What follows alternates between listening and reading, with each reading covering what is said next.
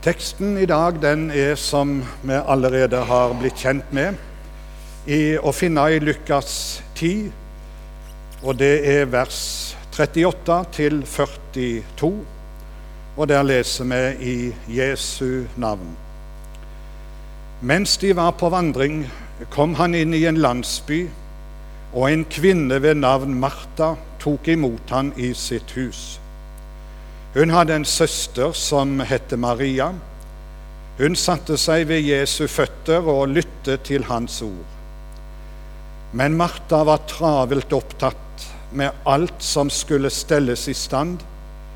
Hun gikk da bort til dem og sa, Herre, bryr du deg ikke om at søsteren min har latt meg være alene med å tjene deg? Si da til henne at hun skal hjelpe meg. Men Herren svarte og sa til henne, Martha, Martha, du gjør deg strev og uro med mange ting, men ett er nødvendig. Maria har valgt den gode del, som ikke skal bli tatt fra henne. Amen. Ja, I teksten i dag så får vi altså være med Jesus inn i en heim.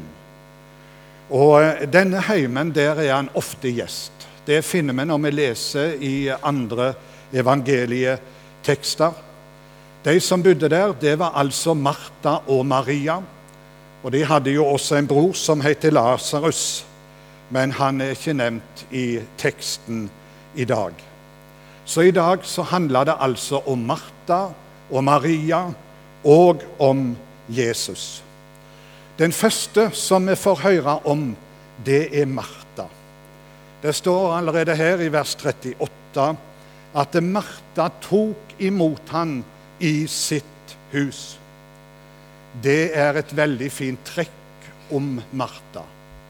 Et veldig fint utsagn om denne kvinna. Hun tok imot Jesus i sitt hus.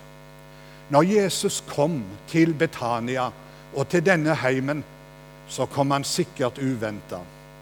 Det var ingen telefonbeskjed på forhånd om det passa at nå kommer vi, nå nærmer vi oss.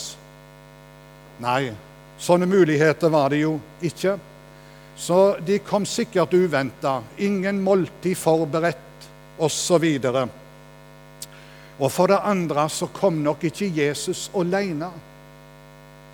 Det står i eh, teksten her at eh, de, eller de, var på vandring når de kom der. Det var altså en hel flokk. Og hvis vi hadde slått opp i kapittel 8 her i Lukas evangeliet, vers 1, så står det at Jesus og læresveinene hans, apostlene, de var på vandring fra by til by, landsby til landsby. Og det var også med flere kvinner som tjente han med det de eide. Det var ikke bare de tolv, men det var enda flere med. Så her var det altså en hele flokk som inntok huset til Martha. Det var ikke lite som skulle til når hun skulle sette på bordet til alle disse. Det kan godt hende vi hadde blitt forvirra noen hver hvis det plutselig hadde kommet en flokk på 15-20 stykk og alle skulle ha mat. Da hadde det vært godt å fått hjelp til å lage til et sånt måltid. Men Martha tok imot dem i sitt hus. Og når hun tok imot Jesus og hans folk i sitt hus, så betydde det da altså også at hun tok imot Jesu ord. For det var det som skjedde når Jesus kom inn i huset. Da ble det fylt av Jesu ord. Han talte til deg, og hans ord, det lydde mellom de veggene i Martha sitt hus. Og det er det det vil si i dag å ta imot Jesus i huset vårt. Det er å gi rom for Hans ord. Det er å, å ha plass til Hans ord. Og det påminner Skriften oss om flere ganger. Jeg skal bare ta med et lite streif fra Kolosserbrevet 3. Der står det La Kristi ord bo rikelig iblant dere. Det står der. La det bo rikelig iblant dere. Legg merke til ordet 'bo'. Det som lett kan skje med Jesu ord, det er at det ikke bor der, men det får en sånn pendlerstatus. Det er innom huset hver veke eller hver 14. dag. Og så pendler det. Det er innom av og til, altså. Men det er ikke en sånn status som Skriften taler om at ordet skal ha i ditt og mitt liv. La det bo. Altså, da hører det til der. Det er der daglig, regelmessig. Så er Skriften, eller Jesu ord, det har sin plass i din og min heim. Det er noe å tenke på det. Hva status har Jesu ord i din og min heim? Vi hører til en generasjon der, der det kan sies om oss at TV og Internett og aviser de bor rikelig iblant oss. Rikelig. Vi bruker mye tid med det. Men nå må vi stanse opp, kjære venner, og spørre oss har Kristi ord samme status, og bor det like rikelig i våre heimer og hus som disse moderne medier har det, og kanskje får det mer og mer? Det kan godt være en vekker i våre liv og i vårt hverdagsliv. Hva plass har det? Martha tok imot Jesu ord i sitt hus. Det er også et uh, fin ting til som Martha er et godt eksempel på, og det er gjestfrihet. Når hun åpner heimen for Jesus, så åpner hun også heimen for Jesu venner. God plass for Jesu venner. Dette med gjestfrihet det taler Bibelen om flere ganger. Det er en stor verdi for en heim og for en kristen å ta vare på det å være gjestfri. Aspen Kvalbein han har jo skrevet ei bok om verdier som ikke må bli borte på veien. Og gjestfrihet, det er en sånn verdi som ikke må bli borte på veien. For hør nå hva Skriften sier om det, Hebreabrevet 13,2. Glem ikke gjestfrihet, for ved den har noen hatt engler til gjester uten å vite det. Tenk, så fint taler Skriften om det å være gjestfri. Å ha en heim som er preget av gjestfrihet, det er en verdi som Guds ord setter høyt. Du har hatt engler til gjester uten å vite det. Så skal vi gå over til den andre personen. Hun heter Martha. Og nå er vi kommet til vers 39. Der får vi en kort presentasjon av, Mar eh, av Maria. Hun hadde en søster som het Maria. Hun satte seg ved Jesu føtter og lyttet til hans ord, står det der. En kort og klar presentasjon som vi ser det for oss. Hun satte seg ved Jesu føtter. Det å sette seg ved føttene til en person, det var disippelplassen. Det var et tegn, eller da viste du med, din, med hele deg at han som nå er kommet inn i huset, han er lærer, han er mester, han er herre. Og nå setter jeg meg ved hans føtter, for han har noe viktig å si meg. Hans ord er viktige, mektige ord som jeg trenger å ta lærdom av. Det var altså disippelplassen hun fant straks da Jesus var kommet inn i huset. Det var dette Paulus talte om når han talte om den skole han hadde gått i. Så sa han han hadde sittet ved Gamaliels føtter. sa Han Han hadde hatt en disippelplass der han hadde tatt imot lærdom. Og nå inntar Maria den samme plass når Jesus kom inn i heimen deres. Og hun satt der ikke bare for å få et makelig liv, unndra seg kroppsarbeid, men hun setter seg for å lytte til Hans ord, står der. For å lytte til Hans ord. Det var sikkert mange ord i, i huset den dagen. Tenk deg 10-15-20 stykk. Tenk deg det, det surret og det pratet. Men hun visste blant alle disse ord er det noen ord som er viktigere enn alle ord, og det er Jesu ord. Og Derfor det er de ord jeg må ha tak i. Det er der jeg må plassere meg, så jeg får tak i Hans ord. Og så setter hun seg der.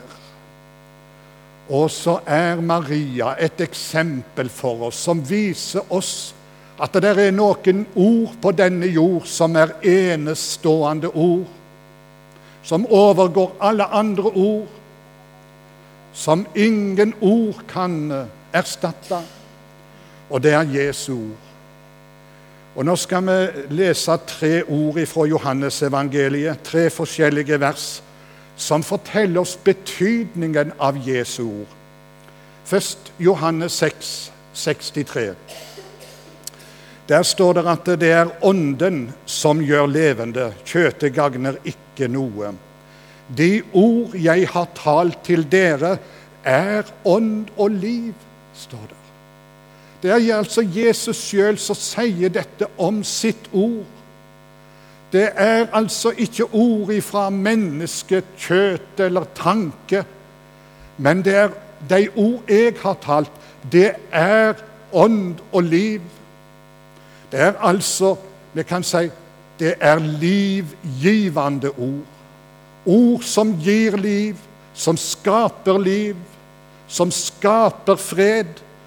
Som ikke bare taler om frelsesvisshet, men som skaper frelsesvisshet hos den som lytter og tar imot det. Grundtvig han har skrevet ei flott salme om Guds rike. Vidunderligst av alt på jord. Slik begynner den. Og så sier han i vers 3 om Guds rike Dets gåte er et guddomsord som skaper hva det nevner som fyller dalene på jord og høydene utjevner. Slik er det med Guds rike. Hemmeligheten i Guds rike det er ikke dyktige predikanter og flotte ledere osv. Men gåten i Guds rike det er og blir et guddomsord. For det skaper hva det nevner og så står det 'det fyller dalene på jord'. Du og jeg som kristen, vi unngår ikke dalfører her på jord. Alle vil vi før eller seinere komme i dalføre. Et dalføre, det heter sorgenes dal. Et annet dalføre, det heter bekymringenes dal. Eller ensomhetens dal, eller sykdommens dal. Jeg har vært i et sånt dalføre, jeg òg. Men så sier han det så fint, Grundtvig, om Guds ord. Det fyller dalene på jord. De dalføre vi måtte komme i, så er guddomsordet der. Og så fyller det dalføret, løfter deg opp. Jeg var nylig og besøkte en mann på sykehuset som hadde fått en tøff diagnose. Og Så satt vi der og prata, og så sa han, 'Men jeg har fått et ord, og det har gjort meg så godt', sa han.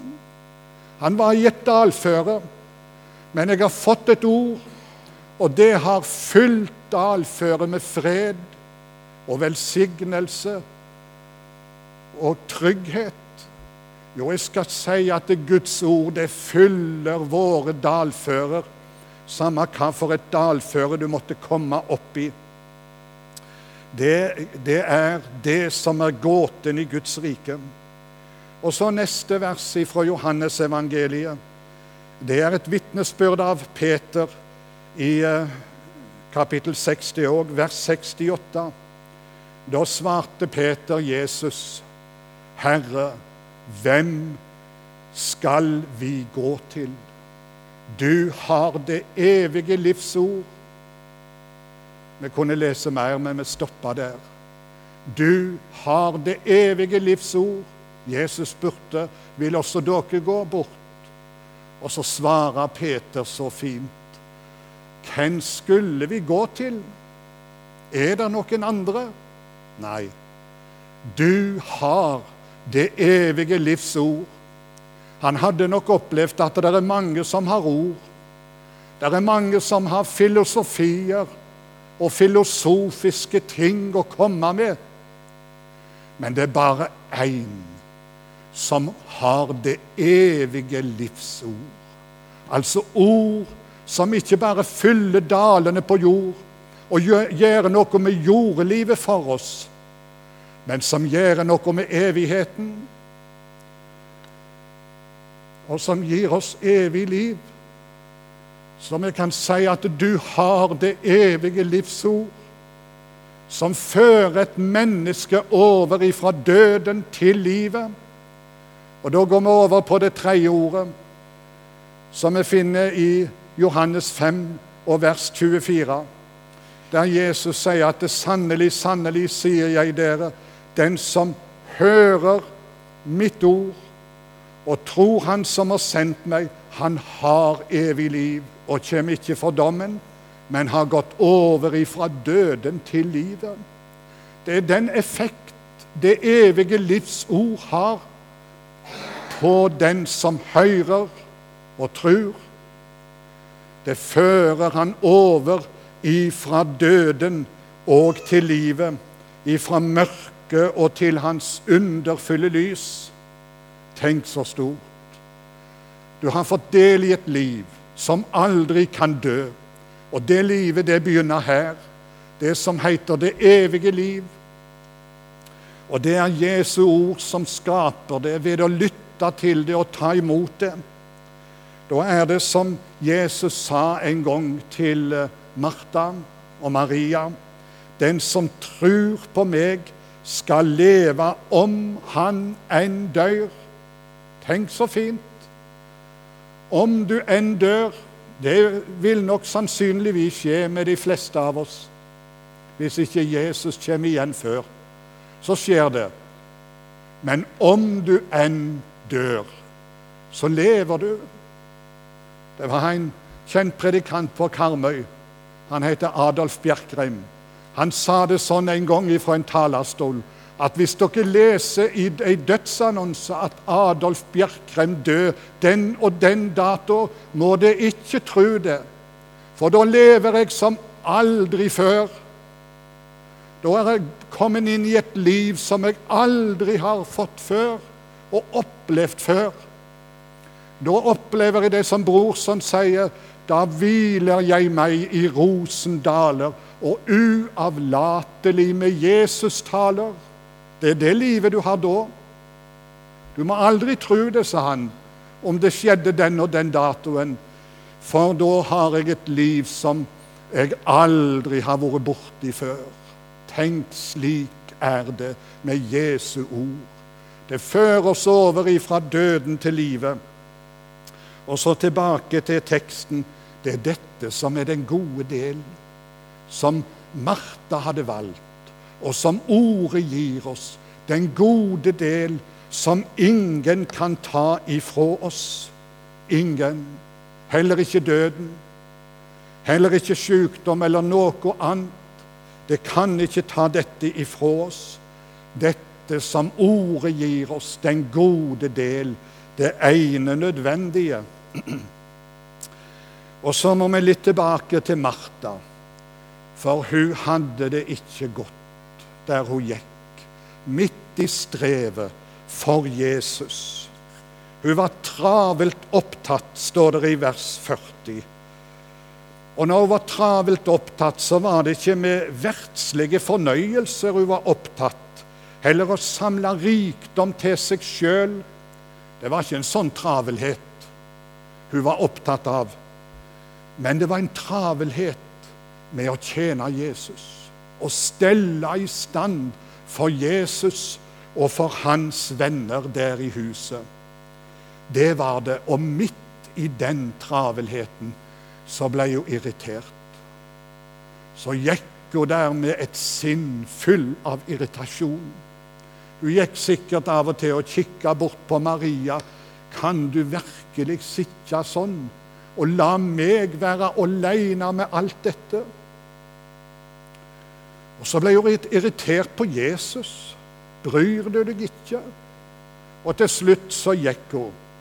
Og så var det Jesus hun henvendte seg til. For hun var irritert på han òg. Bryr du deg ikke, Jesus, om hvordan jeg strever, osv., som hun sa det. Travelheten, kjære venner, den kan være en farlig og snikende fiende for mitt sinn og mitt liv med Jesus. Den kan føre surhet med seg inn i livet vårt, som er surner til og blir opptatt av de andre og blir opptatt av alle oppgavene som jeg må ha. Også de andre, da, de gjør nå ikke så mye, de. Og så forsvinner gleden. Martha hun tjente ikke Jesus med glede den dagen, slik som Salme 100 taler om det. Gleden var borte. Og nå er vi kommet kanskje til hovedpoenget. Hva er det Jesus og hva er det denne teksten vil si oss? Og Da vil jeg bruke vitnesbyrdet til en unge mann som jeg snakket med denne uka. Og han, han, var så fin, syns jeg. Han var en fin kristen, og så snakket han om det at jeg, jeg, jeg har fått så mye på meg denne eh, siste tida altså mange oppgaver på meg. Mye som jeg holder på med, og mye jeg skal være med på. Og så sa han det slik Jeg er blitt mer opptatt av å leve for Jesus enn med Jesus. Og der er vi ved en hovedsak i kristenlivet og i teksten her. Det er, det er fint å være med og tjene Jesus, men det må ikke bli slik at jeg blir mer opptatt av å leve for Jesus i stedet for å leve med Jesus. For poenget i denne teksten det er ikke det at vi ikke skal bruke våre hender og føtter i tjeneste for Jesus. Jo, det taler Skriften ofte om. At Jesus han vil bruke våre hender. Du som har praktiske gaver du skal bruke det på det praktiske plan. På kjøkken eller i snekkerverksted eller hvor som helst. Et ord fra 1. Tessalonikerbrev 4, 11 taler om det. Og arbeid med deres hender, slik som vi bød dere. Slik taler Paulus til menigheten. Arbeid med deres hender, som vi bød dere. I Guds rike trengs der hender, villige hender. Det er ikke det dette taler om. Men det som er det alvorlige, det er når fokuset ditt og mitt blir flytta ifra Jesus og bare til oppgavene. Oppgavene og alt det jeg skal holde på med. Da er det fare på ferde. Det er da faren oppstår, det er da det skjer noe med sinnet mitt og med hele innstillingen og holdningen. Da blir oppgavene en byrde, et ork. Da blir vi irritert, da blir vi fulle av kritikk osv. Fordi fokuset er flytta bort ifra Jesus og ifra Hans ord. Og jeg har lyst til å avslutte med et ord ifra en, et vitnesbyrd fra en gammel eh, indremisjonsleder. Han lever ikke nå. Han heter Hans Sandvold og var en indremisjonsleder i Sunnhordland og Hardanger. Han sa det en gang slik at ditt og mitt største ansvar som kristen, det er at du lever godt med Gud. Mitt største ansvar er at jeg lever godt med Gud. Og vet du, djevelen han er ikke redd travelheten, at du får det forferdelig travelt. Nei, det er han ikke redd.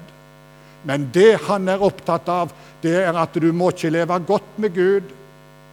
Han er opptatt av å ødelegge livet ditt med Gud. Det er det han er ute etter.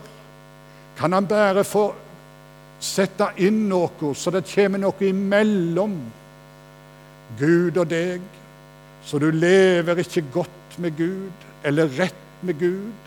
Kommer noe inn der? Det er det han er opptatt av å ødelegge livet. Og det er det som vi sitter igjen med. Det er ett som er nødvendig, kjære venner. Ett er nødvendig, og det er har du det godt med Gud?